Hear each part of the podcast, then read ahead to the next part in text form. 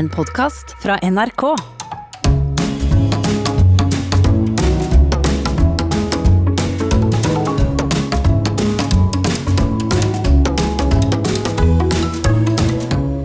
Hjertelig velkommen til Sånn er du.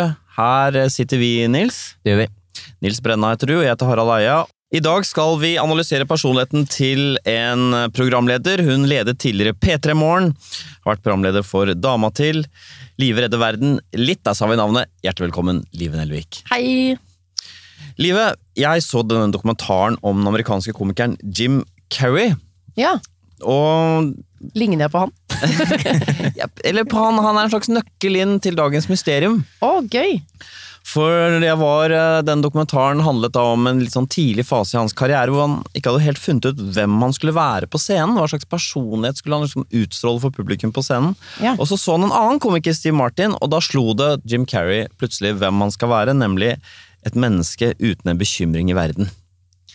Hans hypotese var at publikum liker et menneske som står på scenen og er nesten som et barn, mens øh, Fordi man er helt uskyldig, man er bare full av piff og pågangsmot, man er ikke engstelig, man er ikke selvbevisst. Fordi folk er jo plaget av mange ting, men de liker å se på scenen et menneske som er uplaget og fri. Ja.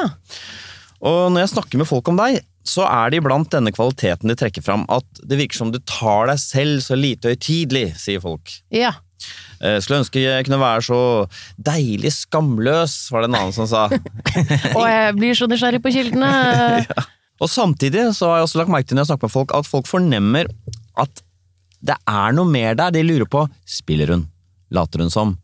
Er dette ekte, eller bare hun skrur hun på en eller annen slags knapp? Jeg vet ikke hvordan folk plukker opp sånne ting, Nils. Men min erfaring er at deres intuisjon er ganske god. Vi har jo jobba med kartleggerfolk i mange år, og vi er jo veldig enige om dette. Folk har peiling.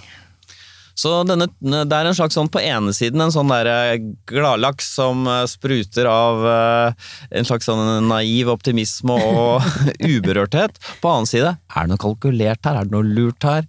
Er, det noe, er dette the real thing? Da håper jeg testen viser at eh, det er ekte, da. For at eh, em, det kan jeg ikke kjenne meg igjen i. At det er kalkulert, eller at jeg beregner at jeg skal se uh, lett til sinns ut. det er bare sånn jeg føler meg. Vi begynner med den faktoren som er kanskje den faktoren, Nils, som i størst grad påvirker hvordan livet ditt blir, om hvor godt og fint du har det. Ja, det vil jeg si. Vi skal se på Live Nelviks score på nevrotisisme.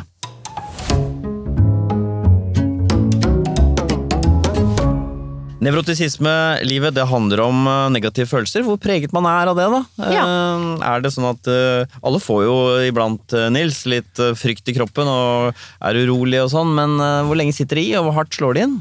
Vi begynner med den underdimensjonen som heter angst. Rett og slett tilbøyeligheten til å oppleve uro. Er du mye urolig, engstelig og redd, livet? Nei, det eh, Nei. Det på en måte så lite at jeg i denne angstbølgen som har vært, så har jeg følt meg utenfor.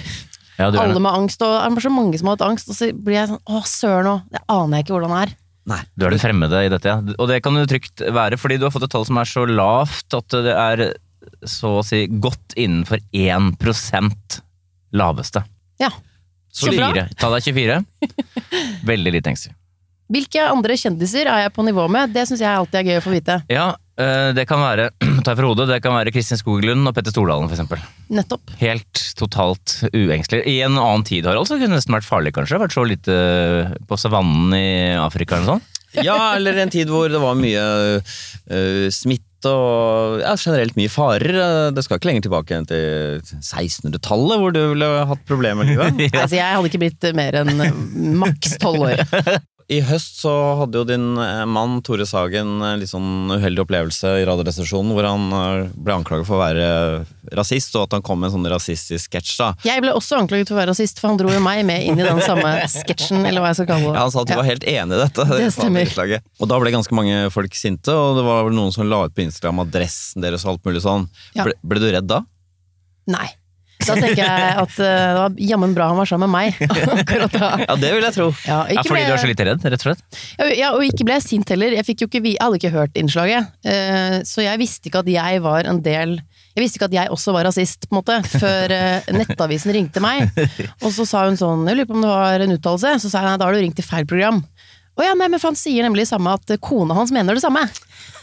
og da lo jeg bare litt inni meg, og så sa jeg fortsatt 'ring til riktig program'. Og så, um, men eh, nei, jeg redd Men det, jeg kjente på litt sånn eh, Grunnen til at det kanskje var litt til stede hos meg, det var den ene kvelden da Eller den dagen da det på en måte var verst, hvor kommentarene bare Altså Jeg vet ikke hvor mange sinte kommentarer i minuttet det var, men den dagen var det halloween. Eh, og da eh, Og det er mørkt ute, og døren vår er åpen, og folk er kledd ut. Det var en litt sånn, eh, litt sånn rar dag at det skulle skje på. Så det var litt sånn hm, jeg, jeg, gjorde meg bare noen tanker, det gjorde jeg. Men eh, redd, det var jeg ikke. satte seg ikke som frykt i kroppen, rett og slett. Nei da, jeg sto jo der og delte ut godteri, og jeg hadde kledd meg ut som Lisbeth fra Side om side. Så veldig redd, nei. Hadde du Men- det? Jeg hadde det. Hadde du kort hår? Jeg hadde det. Hvordan gjorde du det? Jeg var på kostymen og fikk låne meg en parykk. Fordelen med, og noen av fordelene med å jobbe i NRK. Altså, de som banket på døra, så bare en dame med sånn eh, flis og kort, eller sånn kort hår. Ja. Så jeg måtte si sånn Lisbeth! Altså, jeg måtte Ja, si ja, hva jeg var. Ja, og, og, og til de av lytterne som ikke kjenner konteksten her, kan ikke du bare si kort hva det er for noe? Jo, det er eh, altså Lis eh, Lisbeth fra Side om side. Det er jo da kona til Frode i Side om side. Og Frode, det er han jeg er gift med. I virkeligheten. Nettopp. Det er ganske gøy tenkt, syns jeg. det synes jeg. Men selv da så er ikke du noe særlig redd, for når du sier de fleste ektefeller ville da blitt først eh, redde og så sinte. Hvordan kan du ødelegge? Ja. Men det ble ikke du. Nei. Nå har jeg jo, har jeg jo en oppvekst eh, i, i kjendisbladet Se og Hør. Som jo også Man har jo litt sånn haterfaring eh, derfra. Men ikke trusler på dette nivået. Her var det dødstrusler og Nei, Jo, litt trusler på det nivået, faktisk. Ja, det er det. Det var Ja, det. da. Ja, da. De bodde på Grand Hotell en uke, husker jeg. Altså, du, altså faren din var redaktør, ikke sant? Unnskyld, jeg forteller ikke noe kontekst, jeg. Jo, jo, men eh, det, Det er jo, de fleste vet jo det, men det er greit. Uh, ja, han var redaktør på Se og Hør i mange år. Ja. Eh, og da Det var ganske mye sånn Mye mer enn nå. Mye mer sånn uh, oppstandelse. Og også trusler. Så jeg husker det var noen sånne tilfeller ja, hvor det var, på et eller annet punkt så hadde vi noen secu, sånn Securitas-folk som gikk sånn oss og sånn. Ja da. Hva, hvor gammel var du da, for eksempel? Jeg var eh, rundt ja, 16-17 er liksom det jeg husker, og så var det noen greier da jeg var liten òg, men det husker jeg jo Men da du var 16-17, hva var det som kom inn da, trussel, og hvordan var det? Det var, det var noen som hadde sprengt postkassa vår, og om det var noen telefoner og sånn, mener jeg å huske. jeg husker ingenting. du, du, du lagde jo en serie da du var opptatt av miljø. Liv redde verden litt. Hvor redd er du egentlig for miljøkrisa? Da var det mer sånn øh, ehm, et gry, En gryende nysgjerrighet da jeg fikk den ideen. Men nå kjenner jeg faktisk at jeg syns Nå er klimaangsten reell. Er det, ja. Ja, virkelig. Hvordan beskriver den følelsen du har i kroppen da, av angst. Engstelse. Uh, nei, bare sånn at jeg, det gjør at jeg faktisk uh, Jeg, har, jeg forandrer, forandrer ting i mitt eget liv. Men er det, sitter det i hodet, eller sitter det i, i liksom følelsessenteret? Jeg sitter i hodet, ja. Sitter i hodet, ja. Ja. Det er Ja, så det er ikke noen uro i magen. Nei. for du har, tatt, du har skjønt det, liksom. Jeg har skjønt det, ja. Du er ikke blitt kjemperedd. Nei, det stemmer. nei, det er bra du skiller de to tingene. Ja, vi gjør jo det, det er veldig viktig for oss. Her, Ja. Nei, så jeg kjenner det ikke mm, Kjenner det ikke sånn, nei. En uh, viktig underdimensjon under nevrotisisme er jo selvbevissthet, eller sosial angst er det vel egentlig, Nils. Mm, eller sjenanse, som noen også kaller det. Ja, Hvor usikker eller selvsikker er man sammen med andre mennesker? Hva tenker du om deg selv, livet, når du går inn i et rom? Det er mange andre mennesker her, kanskje du ikke kjenner dem engang. Hogger det i deg, uroen? Og hva tenker du om meg? Hvordan skal jeg klare meg her? Det har jeg vel egentlig aldri tenkt. ikke fordi jeg tenker at jeg er, noe, at jeg er så suveren, men jeg bare øh, Jeg husker jeg var på en Jeg var på sommerfesten til Fafo. Fafo er da en samfunnsforskningsorganisasjon, øh, eid av LO blant annet. Så Der er det mye sånn samfunnstopper.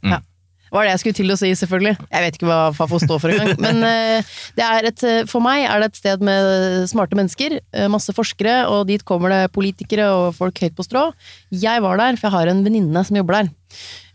Og, og mange ville sikkert tenkt sånn uff, nei, her kommer jeg til kort, men jeg vet ikke, jeg bare er det ikke? Jeg, er på fest, liksom, la oss ha det hyggelig sammen. Men jeg husker at det, det var en som kom bort til meg, ikke en faktisk, det var flere, som var sånn Live Nelvik, hva gjør du her? Og jeg tar ikke det. Noe på, jeg tenker bare sånn, ja, ha-ha-ha. Jo, grunnen er at jeg kjenner en som jobber her på Fafo. ja, jeg skjønner at du syns det er rart at jeg er her. Ja. Eh, for jeg har jo ikke fullført bachelorgrad engang. Sånn at eh, der ville sikkert mange måtte kanskje forberedt seg, eller grudd seg, eller jeg vet ikke. Men eh, Nei, jeg, jeg, jeg føler ikke på det. Jeg føler at jeg er god nok som jeg er, da. Ja, det er akkurat det, og det er det som er jeg skal få ta- si scoren, da. Du har fått ekstremt lav score her også. Eh, 23. Du får nesten ikke lavere. Du er like lite plaget av sjenanse som Petter Stordalen. Men poenget her er jo den der, det du beskriver, er jo den lave scoren. Det er ikke noe, ingen underlegenhetsfølelse. Folk Nei. som har høye score, har underlegenhetsfølelse. Vi pleier å nevne Knausgård som eksempel på at han føler seg underlegen taxisjåfører og kelnere. De kan noe han ikke kan. Ja, ja, så det å føle seg under i situasjoner kjennetegner høye score. Du har ingenting av det fra ditt veldig lave sted. Ja, Men der er forskjellen. Hvis jeg, hvis jeg, det er jo mange, altså Alle kan jo ting jeg ikke kan, men det møter jeg jo heller med altså Dødsspennende. Da stiller jeg jo heller bare tusen spørsmål for å få vite mer eller lære noe. Eh, Istedenfor å tenke sånn 'jeg kan ingenting om det du driver med'. Blir stille og rar, ja. Jeg blir helt sånn for en underlig, for en underlig holdning. Er det ikke ganske deilig å ha det sånn? Jo, det er kjempedeilig. Har du skjønt eh, lenge at du er liksom, hva skal jeg si, heldig sånn sett? I, nei. Nei. Jeg har vel egentlig trodd at eh, de fleste har det sånn, helt til eh, man blir eldre og snakker med mennesker, og angsten begynner å melde seg, og nevrotisismen og liksom vanskene, da. Når folk, venninner eller andre, da, beskriver en sånn derre at de syns det er ubehagelig å være sammen med andre folk, eller det som ja, kalles sosial angst, da. Er det liksom, har, må ha vært veldig sånn fremmed for deg? Har du forstått det, liksom? Nei, jeg har ikke forstått det, men jeg lytter og prøver å forstå. er det verdt noe? Det er verdt noe, det. Det har vært noe det, men ofte at folk som skårer lav på sosial angst, de, de sier sånn Det er jo ikke noe farlig, det er bare å bestemme seg for å ikke bry seg så mye, da. Sånn er det det fremstilles. At det at det er et slags valg de har tatt på et eller annet tidspunkt. Jeg har jo en stemme inni meg som kan si det. Eh, når det kommer til ting som er vanskelig, men kan man ikke bare ta seg litt sammen? men den stemmen den prøver jeg å kvele, da. Jeg vet at det, jeg har lært at det ikke hjelper. En annen, en, en annen ting er at skamfølelsen, den, det som mange kjenner på, den kjenner ikke du på, for å si det sånn, da, med denne skålen? Nei, ikke så mye. Har du hatt det nå? Om jeg har hatt skamfølelse? Mm. Det er nesten Nei, hva, abstrakt, hva ikke slags sant? men, Ja, ja, virkelig. Men når du hører for det er som å se ut i verdensrommet og lete Hvordan ville hvordan ville det vært for deg å bli plassert i en sånn der æreskultur i en midt-style, i en Midtøsten-style, hvor det er sånn Du har brakt skam over familien. Fordi du ble sett med en annen mann. Sånn. Vil det virket? Nei, det tror jeg ikke. Men det, er, på en måte- det blir noe annet Eller det er sånn uh, kulturell skam, på en måte. Det klarer jeg ikke engang å relatere til. Men jeg, nei. Når de, når de skamløse jentene står fram, hva tenker du da? Flott, men at det står fram. Men Jeg skjønner egentlig ikke hva det er for noe å stå fram med. Nei øh, Nei, egentlig ikke. Hva skal vi si, Live Nelvik, så langt ikke så veldig nevrotisk, Nils, men eh, hun kan jo ha andre underdimensjoner som gjør at hun er et eh, urolig menneske som plages av nerver, da. Ja, kan jo det, men det har hun ikke. I sum er du ekstremt lite nevrotisk. Tallet er 27, altså innenfor 1% laveste. Ingen høye utslag. Null sosial angst, null tristhet, eh, null sjenanse. Du er på snitt når det gjelder impulsivitet, eh, som er litt sånn, som jeg snakket om før, Harald, det er ikke så intuitivt at er et nevrotisk skrekk, men det handler om å være god til å stå imot fristelser som i mat og godteri og sånn. Der er du på snitt. Ja. Og så er du på snitt på det som fanger stress. Så det betyr at du, du er ikke så ekstremt eh, hva skal jeg si, motstandsdyktig mot stress som du er uh, usjenert. Der tror jeg akkurat på stressfaktoren så tror jeg at det som øh, balanserer meg, er at jeg er på en måte lav på angst. For jeg kan ha mye stress, men så er det et eller annet, som, et eller annet i meg som sier sånn Det ordner seg. Ikke sant? Det er ja. det. Så impulsen er der, liksom. Mm. Men så roer den seg. Ja. Eh, Vi skal se om livet Live har det som skal til for å gjennomføre ting. Vi skal se på Live Nelviks score på planmessighet. Planmessighet det handler om eh, struktur, orden, gjennomføringsevne. Og Vi begynner med en litt eh, interessant underdimensjon her, som heter plikttroskap. Respekten for etiske og moralske prinsipper og plikter. Det Høres litt gammeldags ut, men det handler jo om Jobber man i en organisasjon som NRK, for eksempel, så er man en som ignorerer reglene og er litt sånn upålitelig og ikke er så opptatt av altså, de store vyene og reglene som finnes i NRK. Da skårer man lavt. Skårer man høyt på plikttroskap, så er man nøye med å gjennomføre det på den riktige måten og etter boka. Skjønner du? Mm. Hva slags Er du en type sånn plikttro person? I, altså, jeg lurer på om det faktum at jeg er veldig redd for å få kjeft, gjør at jeg scorer ganske bra på plikttroskap. Eh, Jeg har jo litt sånn dårlig konsentrasjonsevner. eh, Som gjør, at jeg, som gjør at det kanskje kan trekke litt ned. At jeg, at jeg er litt sånn her og der i hodet mitt. Hva sier testen vår? Testen vår sier at du er uh, meget lav. Meget lav på å bli. Tallet er 35, Er det det, vil si ca. 5-6 laveste. Ja, så da må vi finne ut av hva det handler om. Det er akkurat det. Oi! La oss si du går og legger deg, så kommer du på at den regningen for et eller annet, øh, at den fristen på den er å betale den datoen du nå er på. Ja, Står du da opp for å betale? på ingen måte. Ikke sant? Da sover jeg så godt, Ikke og så betaler jeg den ikke dagen etter, men sikkert dagen etter det. Ja. Og hvorfor ikke?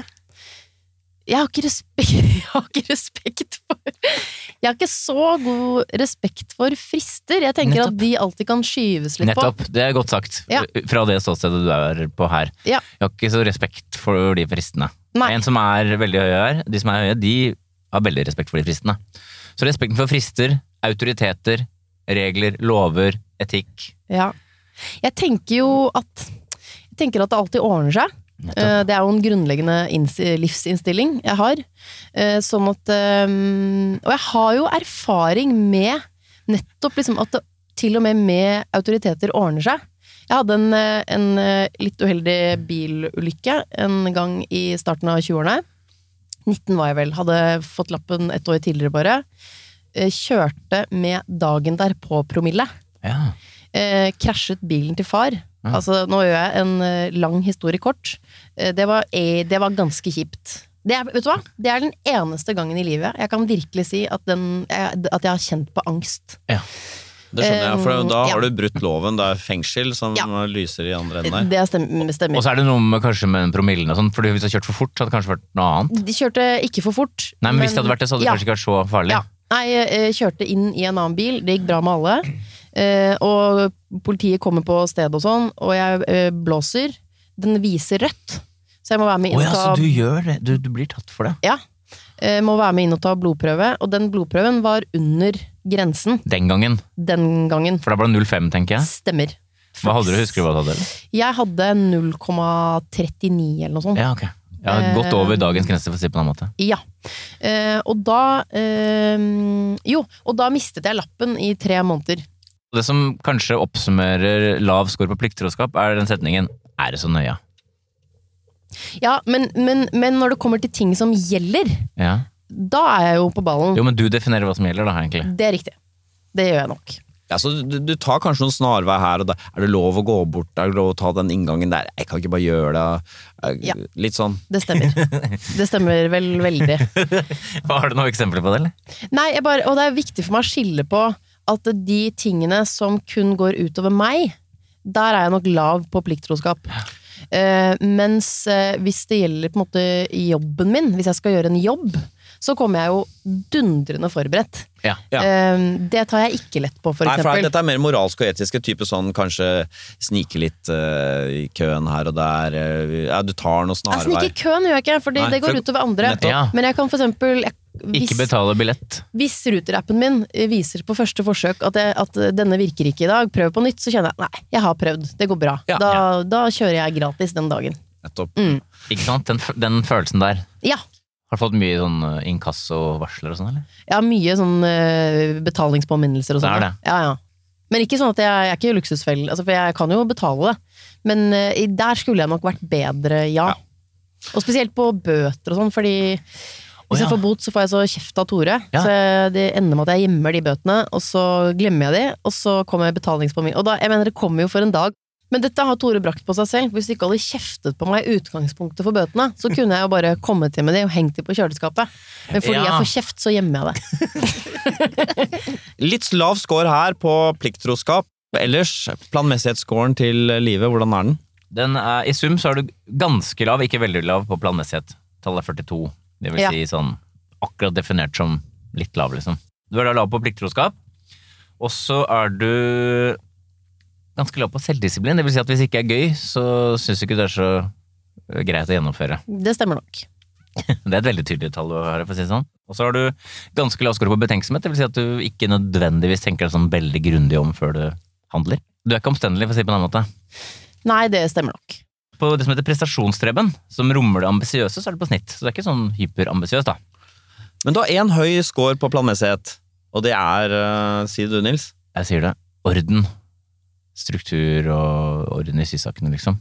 Ja. Den er ikke veldig høy, den er ganske høy, og Tore er også veldig høy her, så han er egentlig høyere enn deg. Kan du bekrefte det? Åh, så irriterende, fordi det er, vi, det er en evig konkurranse hjemme. Men han mener at han er ryddigere enn meg, og jeg mener nødvendigvis ikke. Han er sånn, øh, kjefter på meg og sier sånn 'du må ha rutine'. Nå høres det ut som jeg er på mye kjeft hjemme. Det er bare kanskje jeg som tar det som kjeft. Eh, Men han, øh, han har alltid sånn sjekkliste, sånn lommebok, nøkler før han går ut og sånn. Eh, Så når jeg da kommer og sånn ah, 'jeg har glemt kortet mitt, NRK-kortet mitt, kan jeg låne ditt?' og sånn. Å nei. Eh, Så blir han eh, irritert, og du må få rutine. Men selv føler jeg egentlig at han Jeg føler egentlig at vi er ganske like. Dere er det, og dere er det. Dere har ganske like tall. Ja, ok. Marginalt over, så det kan diskuteres. Digg. Så det høres ut som et, en god match mellom dere, fordi uh, ulik score på orden det kan uh, føre til mye ekteskapsproblemer, Nils. Det er riktig. Å ja, nettopp. Å ja, så deilig at vi er like, da. Det og det sosiale er vel Den behov for det sosiale er vel de to tingene som skaper mest bry. Ja. Men jeg har det ikke helt eh, Jeg har det ikke bra hvis det ikke er sånn noenlunde orden. Nei, og det tilsier tallet litt. Ja. Du er, ikke brydd, du, eller du er litt brydd av rot. Ja, det stemmer. Vel, eh, vi har jo da fastslått så langt, Nils, at eh, Live er et uplaget eh, ordensmenneske, men generelt ikke noe sånn planmessig. Hun har ikke noe sånn jobbe i en stor organisasjon som en eh, liten maur. Hun er drevet av interesse og lyst, Ja. veldig. Ja, ja. Ja. Men så er det dette, da, som for å ha den jobben du har, dette uplagede mennesket som da elsker å treffe andre og komme til bunns i andre menneskers liv, har Live Nelvik høy eller lav score på ekstroversjon? Ekstroversjon handler jo om hvor mye kick man får av den ytre verden. Eh, Men også hvor mye man stråler tilbake. Da er man, er en, eh, er man en eh, supernova, eller er man et sort hull? Det er et bra bilde. Ja, det er ikke så ofte verdensrommet byr på gode bilder, men iblant. Så her er det en underdimensjon som på en måte definerer denne hoveddimensjonen, og det er sosiabilitet. I hvilken grad man søker og foretrekker andres selskap fremfor å være for seg selv. Hva tenker du, er du en sosial type, Livet? Svaret på det er vel eh, et stort ja. Og i capslock, kanskje. Ja, det kan du trygt eh, skrive i cap, med capslock. Uh, tallet er 70, altså 1% høyeste. Ja. Hypersosial. Du liker å ha folk rundt deg hele tiden? Eh, Ja, Ja, du gjør det. Rett og slett. Jeg, det er litt sånn, det er litt synd. Jeg prøver å jobbe faktisk litt mot det, fordi tidligere, da jeg var singel og bodde i egen leilighet og sånn, så likte jeg jo å være alene. Men eh, for hvert eh, eneste nye menneske som har blitt brakt inn i livet mitt, så kjenner jeg Tre barn og en mann. Så kjenner jeg at eh, Nei, jeg har det ikke så bra alene. Og det, det syns jeg ikke er helt bra heller, da. Så jeg prøver å jobbe med å trives i eget selskap. Så det er jo, kan du beskrive den følelsen, hvis du sitter der og er aleine? Jeg bare, Hvor er selskapet, liksom? Eh, Hvor er, jeg, må, jeg må snakke med noen. Jeg snakker jo hele tiden, da. Eh, hvis jeg skal gå med søpla, så er det ikke uten handsfree, for da tar jeg en telefon. Ja, du gjør det? Ja. Jeg syns livet er fattigere uten prat og folk, liksom. Hvis jeg er alene, så snakker jeg i telefonen. Men, men vi snakket jo om at uh, ulik score på orden kan skape ekteskapsproblemer. Uh, du og Tore har veldig ulik score her. Han har scorer uh, 36, og du scorer 70. Mm. Så dette må jo være en, en, i hvert fall en liten kilde til diskusjon. Nei, jeg tror heller at vi utfyller hverandre. Jeg mener jo, altså Tore kunne jo bodd alene under eh, torv på vidda. Han vil jo ja, Han kunne levd livet sitt alene, tror jeg. Eh, og så eh, Så jeg bringer nok eh, glede og folk inn i hans liv. Og Det er ikke sånn at han sier 'å, må det komme folk inn hjemmet vårt'? Nei, for det liker han veldig, men han er ikke så god til å ta initiativet. Men han elsker jo middager og, og sånn, men øhm, Og det er det jo på en måte jeg er nok den største motoren der. Men Skulle du ønske at han var mer sosial, eller syns det er fint at han har den motvekten? Jeg syns det er fint at han har den motvekten. Um, og jeg tror hvis- han ikke hadde likt det sosiale, eh, det, da hadde det jo virkelig vært et stort problem. Men det, det er jo ikke det det handler om. Det er bare at han trives veldig godt alene. Da har han det helt prima. Og det er jo da Eh. helt motsatt av meg. Skal sies at Tore har jo den fordelen at han har ingen sosial angst. Han har bare Ja. ikke veldig behov for det. Så de gangene han blir dratt med på ting, så er ikke det noe plagsomt for ham. Nei. Sånn sett. Skårer man høyt på sosialitet, så pleier man å være veldig glad i fest. Jo flere mennesker, jo bedre. Er det sånn for deg? Jeg er veldig glad i fest. det vil si, jeg er, ikke, jeg er jo ikke så mye på fest fordi øh, jeg har disse tre barna og Åh, de forbannede tre barna. Jeg er ikke så glad i å være slit... Jeg er ikke Nei, så, det går jeg, med på det. Men Ja. hvis det var en magisk pille du kunne ta når du kom hjem, og var opplagt ja. da hadde jeg nok vært på fest eh, fem dager i uka. Hva er det som er så gøy med fest? Vet ikke. Jeg kan få litt sånn eh, på vei til fest, så kan jeg tenke sånn Uff, hva er det? orker, orker jeg det her? Orker jeg egentlig ikke. Og så, så fort jeg bare er der, og tre, så er det altså, den største glede livet Er det å gå fra gi. gruppe til gruppe, menneske til menneske, ha masse samtaler, er det det som er gøy, eller? Ja. Ja. Kan, eh, kan du ikke bare ta oss gjennom noen punkter på hva som er gøy på fest? For folk som ikke syns fest er gøy, hva er det som er gøy? ja, det blir ja, mm, Du det er jo. Jeg skal prøve å forklare det, men det er jo kanskje en, en veldig sterk følelse jeg får, da. eh, men jeg vet ikke, jeg blir bare veldig stimulert. Jeg blir veldig gira. Eh, det er også noe av grunnen til at jeg aldri har tatt narkotika, tror jeg. Fordi jeg får så stor rus av mennesker, og alkoholen også eh, hjelp, altså, gir meg det jeg trenger. Jeg har ikke fått enda med litt kokain på toppen av det. Mm. Ja, men kokain jeg har hørt at man får sånn selvtillit, og jeg tenker sånn, den har jeg egentlig greit i bånn. Nei, sånn at eh, Og jeg kunne også gått på fest og danset uten alkohol. Så det handler ikke om Ja, handler ikke om det. Du blir det bare veldig stimulert. Jeg blir meget stimulert. Jeg vet ikke, jeg bare får helt sånn kick av det, liksom. Det gir meg så mye. Det er som å, uh, som å putte iPhone i laderen. Det er meg på fest. Jeg får, får masse energi av det. Det er akkurat sånn, det er veldig godt å få det beskrevet fra høyden her. Ja, for det er så mange som flotter seg litt med at de kjeder seg på fest, så Ja. det er deilig å høre hvorfor fest finnes. Ja. Og selv de rareste fester, så har jeg det Type hva da? Nei, men bare sånn en fest hvor, hvor uh, man tenker at uh, her er det nødvendigvis ikke noen likesinnede. Eh, så vil jeg få det gøy uansett. Så du har aldri tenkt sånn øh, øh, Nå er det for mye, liksom. Nå er det for mye folk, og nå er det for mye fest. Og... Nei, aldri. Hva er det lengste du har vært helt alene uten å ha snakka med noen, heller ikke på telefon? Nei, da tror jeg vi skal tilbake til 20-årene, hvor jeg klarte å være litt grann alene. Så kanskje Altså, jeg sover jo Nå er jeg jo så heldig å sove sammen med noen, da. Em, men eh, Kanskje et par timer, liksom. Det er gøy, da. Det, men det var i 20-årene, ikke nå. Nå Nei, er det Crazy 20-årene. hvor- Ja. For nå er det aldri så mye som et par timer. Nei, men nå er jeg med familien. Mm. Så sykler jeg med familien til jobb. Så går jeg og prater på jobb. Og så Nei, det er eh, Shit, ass. Jeg tror det er kanskje to minutter alene. Det er på do, liksom. Mm. Eller på do kan jeg til og med snakke. ja. Ekstroverte mennesker de eh, får som sagt eh, kick av den ytre verden, men de utstråler også mye energi tilbake. Vi skal se på underdimensjonen positive følelser. Hvor mye glede du uttrykker når du blir glad, og hvor mye du preges av eh, hyggelige ting. da. Skårer man lavt, så man er ikke ulykkelig, man bare er ikke så sprudlende. Hvordan er det med deg? Blir du lett glad? Ja. Igjen så har du fått et svært høyt tall, tallet er 69, altså nærmer seg 1% høyeste. ja. At jeg blir begeistret for ting, liksom. Veldig, veldig. Ja. Hva, hvor glad kan du bli? For, for hvor lite? Jeg føler meg noen ganger som en sånn uh, Gordon-setter. Uh, rett før den slipper Idet man åpner døra og den skal få lov til å løpe ut på jakt. Hvor den bare er helt sånn Dette er det jeg har ventet på hele livet. Sånn kan jeg få av eh, ganske små ting, egentlig. Og så er jo evner jeg em, Det føler jeg jo er en sånn at det der er jeg heldig, da. Jeg evner å glede meg over også små ting. Alle kan jo bli glad fordi åh, nå skal vi på en etterlengtet frihelg. Bare vi jentene. Hvem syns ikke det er deilig, liksom? Men jeg syns jo bare det å spise taco på fredag gjør meg da, Jeg blir helt spinnvill. Jeg blir, Ja, det gjør det. er så digg, liksom. Hva er det, man ser, hva er det Tore ser da, alt jeg på å hvordan ser den personen ut? Som er glad Nei, jeg, er veldig, jeg har jo veldig mye mimikk. Jeg viser det jo med hele fjeset. Ja. Eh, han uh, gjør jo ofte narr av meg. Eller nei, ikke narr, nei, han, men altså han tuller med meg. Han hyller, hyller det. Uh, for jeg, hvis, jeg ler hvis jeg ler veldig hardt, så får jeg sånn blodår i panna. Det får Julia Roberts også, forresten.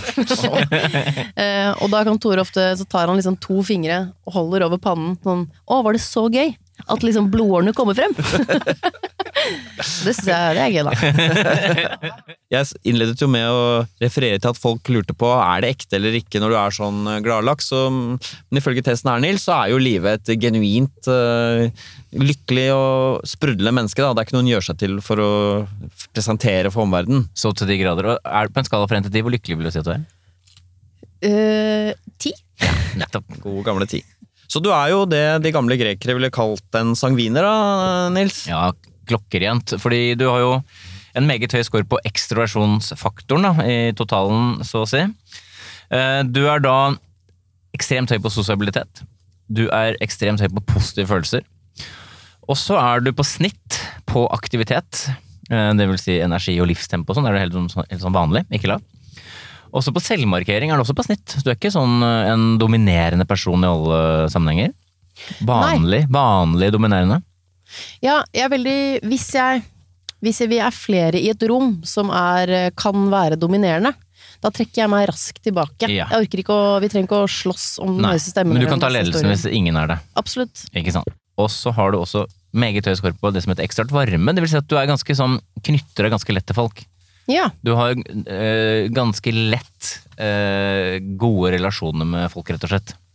Det kan nok stemme, Du ja. er ikke reservert, for å si det på en annen måte. Det stemmer. Ja, Så langt øh, veldig lav score på nevrotesisme, livet.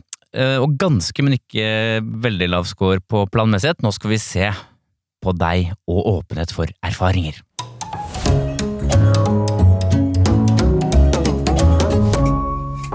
Åpenhet handler om hvor mottagelig man er for ulike ting, og vi begynner med den underdimensjonen som heter åpenhet for estetikk, altså hvor mottagelig man er for kunstopplevelser. Skårer man lavt, det sier seg selv, så um, er man litt uinteressert i uh, de vakre kunster, skjønnhet og malerier og teater, litteratur. Skårer man høyt, så gjør sånne ting veldig inntrykk. Ja. Mm. jeg, jeg er eh, vi, vi har de siste årene fått mer kunst hjemme. Vi har kjøpt mer bilder. Jeg er veldig fornøyd med de bildene jeg har valgt. Jeg syns jeg er god til å velge fi, fin kunst. Ja. Jeg syns også veldig mye kunst er dritt og tull. Ja. Ikke bare dritt, men også tull. Jeg syns da Andreas Wahl laget Folkeopplysningen med eh, kan man kalle det liksom kunst, og hva kan man kalle kunst og sånn, da kjentes det sånn nå, nå snakker du til meg! Eh, Så det var deilig. Nei, Jeg følger også en side som heter Sløseriombudsmannen på Facebook, som viser sånn hva slags eh, rare ting skattepengene våre går til, av kunst eh, og kulturmidler og sånn, og det er altså noe av det morsomste jeg vet om. Eh, hvor det er en naken dame som dytter håret sitt avklipt, masse sånn masse løst hår på en scene som hun dytter bortover med hodet eh, mens hun er naken, og og da kjenner jeg bare sånn. Så der er jeg ikke åpen, ass. Der Altså, er det jeg høres ut, uh, Nils, Livet Live er jo, har jo malerier hjemme og har kunst, det er ikke det, men det er veldig mye kunst som ikke berører henne også. Ja. Så det tyder på en lav score her, eller? Det tyder på en lav score, og, og scoren er uh meget lav. Den er, tallet, er, tallet er 34, altså sånn ca. 5 laveste. Da. Ja. Så det er, jo den, det er jo særlig det du Alle kan jo like fine ting, men det er jo særlig alt det du ikke liker, som, som Ja. liksom eh, oppsummerer den scoren. Da. Ja, jeg blir litt sånn Ja, jeg er nok ikke sånn eh, oh, dette likte jeg ikke umiddelbart, men eh, nei, hva kan det bety? Og prøve Nei, jeg er veldig sånn enten liker jeg det eller ikke. Ja, når du står foran et flott maleri, for eksempel, eh, da er det antakeligvis ikke helt sånn bygd for å kunne ta inn alle mulige stemninger og stå og nyte dette. Vi var og spilte inn en sånn P3 Gull-promo en gang på eh, Nasjonalmuseet. Og da var jeg ikke så veldig imponert. jeg gikk rundt og så på mye av det. det var, ja, Hvordan er det du går rundt og ser da? Det er jeg litt nysgjerrig på. Nei, men bare sånn, Det er jo oljemaleriteknisk, helt sikkert utrolig flott gjennomført, men motivet for meg er bare sånn Det er en fruktkurv, liksom. Ja. Eh, eller det er, eh, jeg vet ikke, et landskap malt ganske sånn Ganske nøyaktig på et oljemaleri. Det, Dette det, er gamle ting, dette er sånn fra 1800-tallet Ja. og 1700-tallet sånn. nei, jeg, husker, jeg var ikke så veldig imponert. Hva med poesi og sånn da? Er du berørt av uh, I dag står flaggstangen naken på Eidsvolls grønne enger. Og så det- ser du for deg krig, krigen. 1940. Nei, nei ikke så, jeg blir ikke så Ingenting sånn? Hvis det kommer noe dikt på Instagram, så scroller jeg fort forbi. Ja. Ja. ja. Vi skulle nevne sånn tre kulturelle arrangementer du har vært på siste året. Hva kunne det vært? Jeg var på Øyafestivalen. Ja, for å skravle, eller? Ja. Ja. Hvis ikke, jeg er ikke så glad i konsert. Nei, det er Nei. kjedelig. jeg, Er ikke det veldig kjedelig for deg, tenker jeg? Nei, ikke, ja, da må det være en artist jeg virkelig sånn eh, elsker. Susanne Sundfør eh, eller Bruno Mars er jeg veldig fan av. Men kan du stå helt stille da, apropos det at du ikke kan øh, hva skal jeg si, ikke snakke med noen på to minutter? På Susanne Sundfør-konsert kan jeg det. Du kan det? Ja. Og det var over en halvannen time eller sånn? Mm, ja, noe sånt. Er Jeg var, er jeg var på en uh, High As A Kite-konsert en gang, Ja. men da var jeg på en måte litt for Jeg var litt for jazza. Jeg hadde snakka med litt for mye folk. Sånn at, uh, jeg, da sto jeg bakerst, altså, men da ble jeg stående og skravle litt. Ja. Uh, Selv om High As A Kite det er kjempe, virkelig utrolig bra musikk, men da husker jeg det var noen som var sånn, snudde seg og var sånn hysj. Ja. De hysjerne, ja. Jeg var faktisk på Filharmonien hadde sånn 100-årskonsert, så jeg fikk eh, gratisbilletter dit. Tok med meg min mor, for det er sånn hun setter pris på. Tok vi et glass på dagligstuen på Hotell Continental. Det var skikkelig hyggelig, og så gledet jeg meg sånn, for jeg har aldri eh, sett Filharmonien. Eh, og da, til min store skuffelse, så spilte de også eh, noen moderne verker. Og da, der har du min lukkethet, da, for det Og jeg prøvde skikkelig, liksom. ja var det, Ja, det sånn Beatles og sånn? Nei, nei, nei, nei. Sånn pling, plong, plong, Og sånn, moderne. altså atonal musikk. Ja. Og, da, og så sto det jo liksom i tit, Det sto jo tittelen på verket og liksom hva, hva man skulle høre etter, og jeg prøvde altså. Men så spilte de vel ett sånt klassisk stykke, noe Wegner eller hva vet jeg, og da tenkte jeg sånn, dette liker jeg. Wagner. Rolf B. Wegner, fengselsdirektøren. ja, det hadde vært gøy! Her er hvordan jeg opplever det å sitte Her. på mitt kontor på de fengselsvesenene og se ned på cellene. Dette er jo en typisk eh, en situasjon hvor mange ville tenkt sånn, å nei, nå virker jeg dum. Dette ser jeg bare var gøy.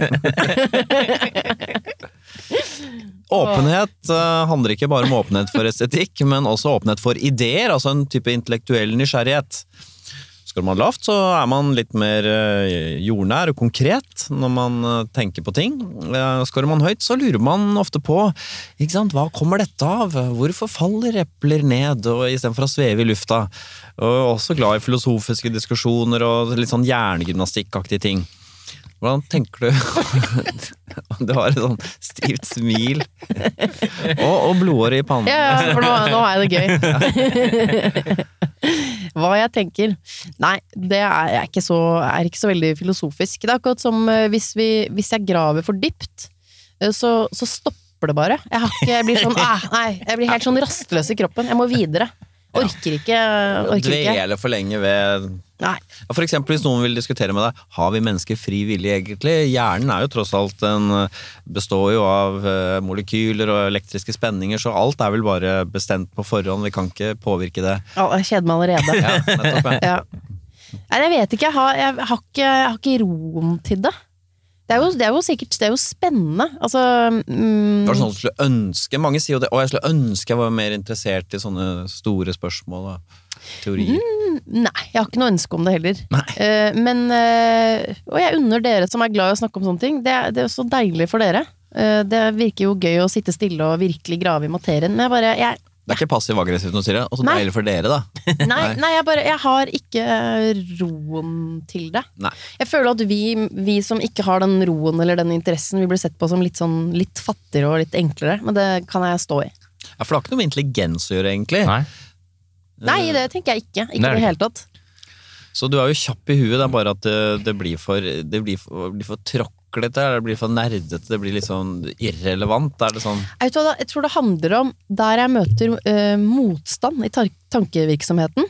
Hvis det blir sånn eh, eh, Tankene sklir ikke lett videre av seg selv. Da blir jeg sånn ah, Da bare snur jeg og går en annen vei. Er det noen mennesker du har hørt eller truffet på din vei som har, vært, som har slått inn på den at du blir utålmodig og, og, og la oss gå videre? Tore. Tore, Ja. Ja. mannen din, rett og slett. Han er jo sånn som sitter med nesa i blader med bitte liten skrift. Eh, Men nå kjenner han meg jo så godt at han presenterer det Han presenterer det som gøy. Hvis du Ja, skjønner? At ja. han vet liksom hvordan, man, hvordan han skal formidle det til meg. Og så eh, Ja, så gøy, og så prater han videre, og innimellom sier han sånn Hva sa jeg nå? Og så har jeg ikke fulgt med helt, og så Jeg vet ja, Hva kan det være? Altså, Ja, nå, det er sånne store sånn teorier og sam... Så jeg har ikke ordforrådet til det engang. Hvis han gir meg overskriften og ingressen, så Ja. da er det gøy. Ja, nettopp. Så det er ikke uinteressert? Ikke brødteksten er jeg ikke så interessert i. Jeg skjønner. Jeg har ikke sagt scoren ennå. Nei? Den er jo svært lav, ja. Eh, tallet er 23, altså godt innenfor 1% laveste. Nei, men det sjokkerer meg ikke. Og jeg, le, vet du hva? jeg lever godt med det. Ja, for du er jo ikke noe Du skammer deg ikke over ting, så du, du har Nei, nei riktig. Men og, eh, det skal sies at hvis jeg uh, spiser hvis jeg, Det er en middag, og så sitter folk og diskuterer hvordan, er, eh, hvordan bygger man best mulig en stat, så er jo ikke sånn Jeg setter meg jo ikke med haken i, i, i hånda eller kinnet sånn at nå kjeder jeg meg. Jeg er jo virkelig med. Ja. Uh, og hvis jeg ikke har noe å komme med, så lytter jeg. For det er jo, det er jo spennende. Men jeg, um, jeg går ikke dit sånn selv, da. På Nei, egen hånd, nei. er vel egentlig greia. Men det skal også sies at du er jo nok mer interessert i folk enn du er i teori. Det stemmer. Å ja, det stemmer. Og det er, en, det er også en stor forskjell på deg og Tore. Han er interessert i teori, og du er interessert i folk. Helt riktig. Det går an å ha begge deler, Ja. men det er ingen av dere. Nei. Altså, det er jo, det er jo Jeg er på den teorisiden, og jeg ser jo også hvor uendelig rik det å diskutere mm, mennesker og det som foregår mellom menneskene egentlig er. Så det er jo en, for oss som er litt sånn på den tunge på den ene siden, så er det, går man glipp av mye, da. Eh, Men du klarer jo likevel å lage et intervjuprogram, Harald, fordi det er basert på teori. Så det er jo Det er Her får du ja. pose og sekk. Det er riktig. Det er min vei inn. Jeg er Ja. sånn, eh, ja, det er autistens vei inn til Så mm, ellers, Nils, åpenheten til eh, livet. Det er jo mer enn bare åpenhet for ideer og estetikk, men hva sånne ting som åpenhet for verdier, eksempel? Er man, eh, er man en slags relativist, så scorer man høyt her. Mm, der er du høy. Ja. Du er et tolerant og liberalt menneske. ja. Det er godt å, godt å få slått fast, da. Ikke sant? Det er litt Også- sånn jeg føler meg òg. Ja, og så er du gjennomsnittlig høy på fantasi. Ja. Og så er du gjennomsnittlig høy på det som heter åpnet for følelser. Du har et følelsesregister som en vanlig dame. Ja. Rett og slett. Så i sum på åpenhet så har du fått scoren 37, som er ganske lavt. Ja. Jeg tenker at eh, så langt som vi har kommet i analysen, eh, så er det sånn at du du er på en måte ganske fri og fornøyd, og så har du ikke behov for så veldig mye mer stimuli enn det du får gjennom å treffe andre mennesker og være nær andre mennesker. Det stemmer. Men jeg prøver bare sånn alderen litt bevisst. Jo eldre man blir, jo, jo mer liksom snevrer interessefeltet seg inn. Eller man er litt sånn 'Det syns jeg var deilig, og så gjør jeg det', og så drar jeg dit for jeg syns det var deilig på den turen. At man liksom, jeg prøver å være det litt bevisst. At man ikke tråkker opp den samme stien hver eneste dag. Ja. Om det så er å sykle en litt annen rute til jobb. Bare sånn der, Prøver du sånne ting, ja? Ja, for jeg blir, eh, jeg, jeg blir litt glad av det. Det blir du Samtidig så er du, er du ganske glad å score på åpenhetsforhandlinger, så du er jo også litt glad i rutiner, antakeligvis. Jeg er veldig glad i rutiner. Åh, Åh, ja. Nå skal vi se på din score-livet på personlighetstrekket medmenneskelighet.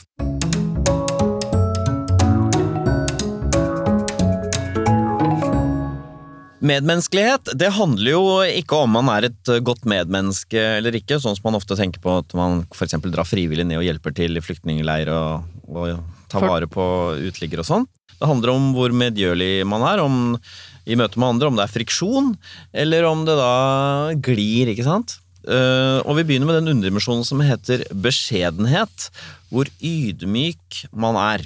Skårer man høyt på beskjedenhet, så snakker man nødig om sine prestasjoner. Er man, eh, det er et medmenneskelig trekk, fordi man eh, ikke fremstår som skrytete.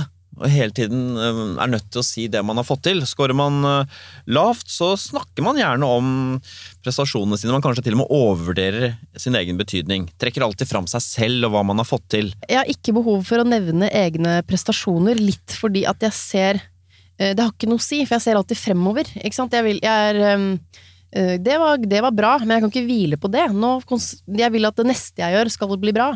Så jeg, jeg har ikke det som noe sånn derre skrytevegg hjemme. Den derre Folkets pris, Gullruten. Noen har jo de på peishylla. Den tror jeg ligger sånn jeg, tror den er på hytta i en sånn stråkurv med noe gammelt sengetøy, liksom. Ja. Selv om det var kjempehyggelig. Men det er bare sånn, jeg, jeg, jeg går ikke rundt og flotter meg med verken ting jeg har gjort, eller titler, eller ja.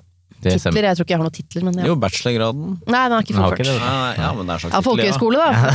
det. Men det, skal, det, det stemmer det du sier. Du har fått en ganske høy skår på beskjedenhet da, rett og slett. 58, som er høyere enn det høres ut som. Um, det vil si at hvis noen trodde at det var et sånt uplaget og liksom selvgodt menneske, dette, det siste er ikke helt uh, riktig, da. Selvgod er du ikke. Nei, Nei, jeg føler jo ikke Fornøyd, men ikke selvfornøyd. Riktig. Det er veldig Takk for at du sa det.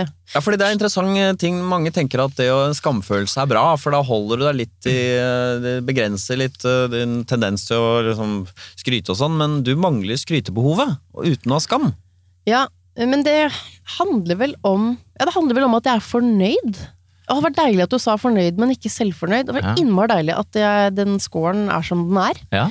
Eh, fordi da viser det veldig at det selvfornøyd, da, men Men det skal det, du, det, dette er litt sånn teknisk, men du er da usjenert, samtidig beskjeden.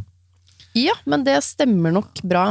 Et sjenert menneske kan jo være et menneske som har lyst til å fortelle om ditt og datt og ha en, det presser på, eh, men du tør ikke, du er redd for å bli fordømt, du frykter konsekvensene. Ja. Mens eh, å være beskjeden, det handler jo bare på at man ikke har noe ønske om å drive og Hevde seg selv, egentlig. bry andre med alt det man har fått til. Så det går an, det går an å være sjenert, men uh, ubeskjeden. Hvis man kan si at du er skamløs uh, og ydmyk, så den motsatte, altså skamfull og selvgod, der har du eksempel Thomas Seltzer. Ja, det er riktig, ja.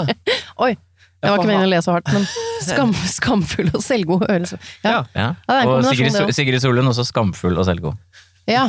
ja, det er to morsomme Dagsnytt 18-programleder. Ja, ja, ja.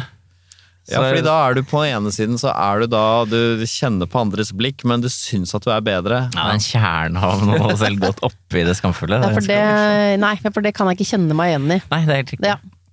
Ehm, nei, så det, å, så det stemmer jo bra, da. Ja da. Men er det sånn at du ofte havner i eh, konflikter, f.eks. i arbeidssituasjoner? Krangler dere mye hjemme? Er det, mye sånn, er det generelt mye friksjon i livet ditt? Eller er det lite av det? Det er lite friksjon. Jeg er jo Altså, jeg er jo lite kranglete, og, og så er jeg jo litt konfliktsky, må jeg innrømme. Ehm, sånn at Er du eh, konfliktsky, eller bare ikke interessert i konflikter? Er du redd for konflikter, eller er du bare uinteressert? Nei, både og. Jeg mener, noen vil jo lete jo, leter jo etter og synes at det Altså, en liten konflikt kan jo til og med være litt gøy. Men, men jeg sier ifra det, hvis det kommer til viktige ting. Jeg har jo hatt noen konflikter på jobben, i arbeidslivet, hvor jeg har kjent at uh, dette her virker jo ikke. Uh, sånn at hvis det, hvis det fortsetter sånn, så vil ikke resultatet bli godt nok. Og Ja. resultatet betyr så mye for meg at da må jeg gå og si ifra. Men du har ikke kjent Live Nelvik hun er litt av en kranglefant. Ingen som orker å jobbe med henne. Nei, men jeg, jeg har liksom, og det har jeg dårlig samvittighet for, jeg tror nok noen mennesker som har jobbet med meg, eh, vi, eh, ikke nødvendigvis i den prosessen utelukkende har omtalt meg med lovord, men det handler, har handlet om at eh, prosjektet har ligget litt, sånn, litt bakpå, det har vært litt lite penger, vi, altså, eh, at jeg da gir, eh, jeg gir veldig korte eh, beskjeder, der jeg vanligvis ville kanskje vært mer eh, vært hyggeligere, liksom. At f.eks. en, en, en manusforfatter Jeg kan ikke sette meg ned med deg og analysere hvorfor dette ikke var bra nok. Jeg sier bare 'det funker ikke', 'det funker ikke'. Ja. Fordi jeg er i en så pressa situasjon. Og det har jeg, det har faktisk jeg har tenkt på det i ettertid. At jeg Det har jeg liksom Kan fortsatt ha litt sånn dårlig samvittighet for. For jeg liker ikke det Det ryktet som det eventuelt skal ha gitt meg. Fordi jeg, jeg er ikke sånn, men eh, situasjonen presser meg til å være litt sånn kort og, Ja. kort og Men dette gir jo precis. mening når det er sånn hektiske Ja. prosesser. Ja. Men jeg bare lyst til å spørre deg, for du har jo touch av høy score på følelighet, altså touch av konfliktsky kanskje, mens Tore er veldig lav score her. Er stemme, kan du bekrefte at han er litt uh, kverulerende? Det kan jeg bekrefte.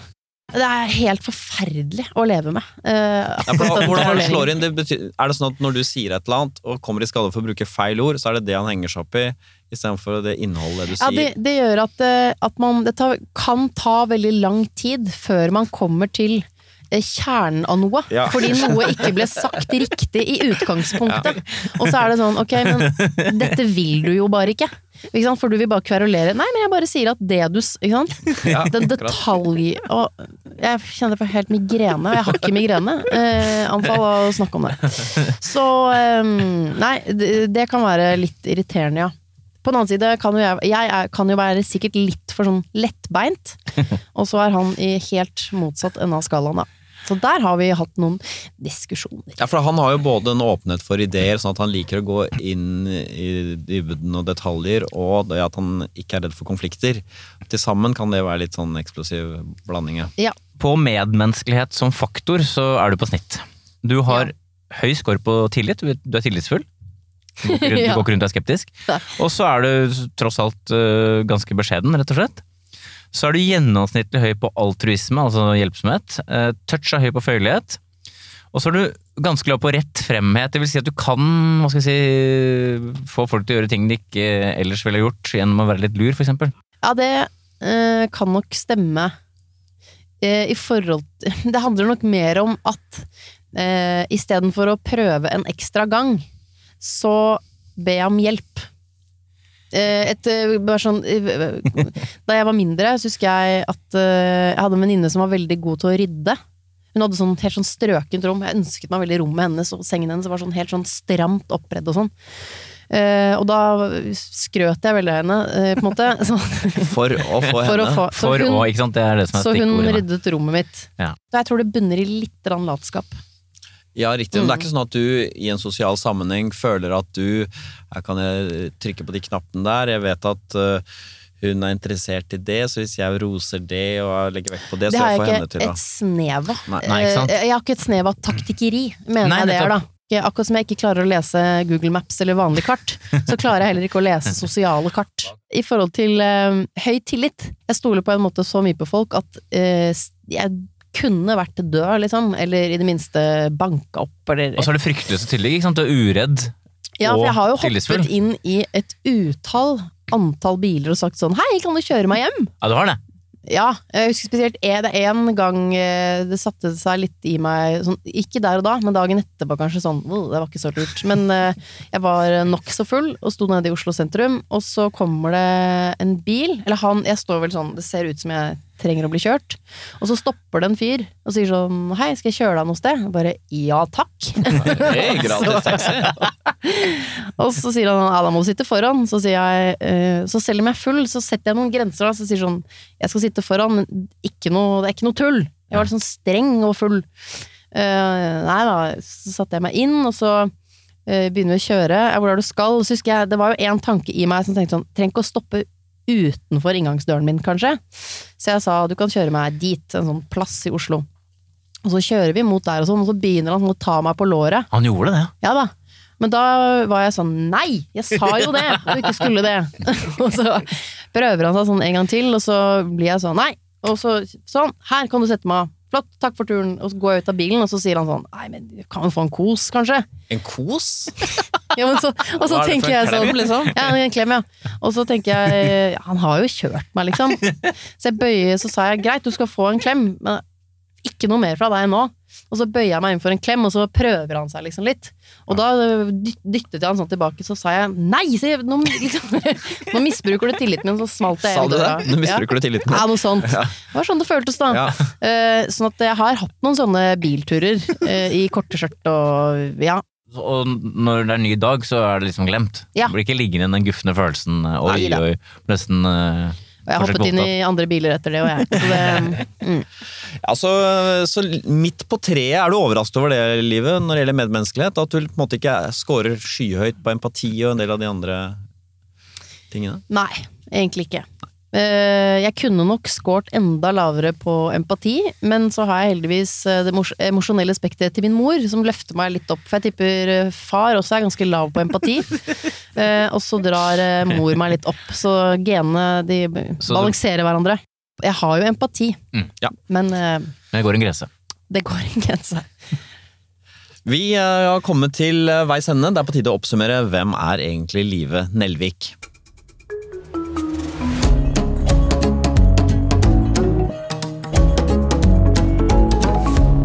Vi har vel slått fast at uh, livet er en sånn uforfalsket uh, gladlaks, og da både det at du er i godt humør, men at du er uplaget. Men jeg opplever deg først og fremst ganske, sånn, ganske sånn fri. jeg. Ja, Fri, altså fri, jeg vet ikke hvordan andre har det, men det er veldig deilig. Du er jo uplaget og veldig lite bestemt av andre. Du, har, du lengter etter andre og snakker med dem, men du er jo ikke noe, det er jo det eneste, liksom. Ja, det stemmer. eh, Mm. Det gjør jo at jeg Det er føler meg, Når vi skal oppsummere det, så føler jeg meg igjen litt sånn enkel. Ikke sant? Når jeg skal si sånn Det er veldig deilig å være meg. Og, Ja. men, eh, Men det er jo det. Ja, det er deilig å være meg. Altså, måten, å, måten å plage deg på er jo ikke ta kontakt med deg, egentlig. Eller ikke, å, å ikke snakke med deg. Det stemmer. Det er det eneste måten man kan ramme deg på, egentlig. Ja. Kunne det vært uh, hovedpersonen i en roman? Med så uplaget uh, lykkelig vesen? Nei, det tror jeg ikke. Jeg, jeg leste nylig eh, boka til Nina Lykke, som heter eh, Nei og atter nei. Og da, eh, eh, apropos sånn å gå i dybden, den gikk så Jeg er så fornøyd med hverdagen. Jeg synes liksom Det repeterende med den synes jeg er helt Jeg har ikke reflektert over det. Syns det er helt greit. Og låse sykkelen på samme sted hver dag og sånn. Og så begynner en hovedperson der å bore i det, for hun plages av det repetative ved hverdagen. Og så i starten var jeg litt sånn, ja det er sant, ja nei, det gjentar seg jo litt, og så borer hun, altså hun slutter ikke å bore, og til slutt ble jeg sånn kvalm. Fordi det stilte spørsmålstegn ved noe jeg egentlig liker. Eh, og da måtte jeg, da, slutt, da la jeg bort boka en god stund, for jeg orka ikke, med, orka ikke at noen skulle si til meg at hva er det du driver med, det kjedelige, repetative livet ditt. Eh, sånn at jeg liker jo bare, jeg liker hverdag. El, altså, elsker hverdag, med fare for å bli liksom Petter Stordalen som elsker mandager. Eh, jeg elsker rutine. Syns ting går greit. Og fest. Og fest elsker jeg, ikke minst. Så skal vi oppsummere livet med to ord, så ville det kanskje bli fri og glad. Ja. Det høres ut som du kan dra rett på interrail. Nei, det vil jeg ikke, da, for jeg liker jo hverdagen. ikke sant? Rutine. Ja, ikke sant. Fri og glad i de trange rutinene. Mm. Ja. Takk for at du kom hit, Liv, og delte. Ja, det var, eh, det var bare hyggelig.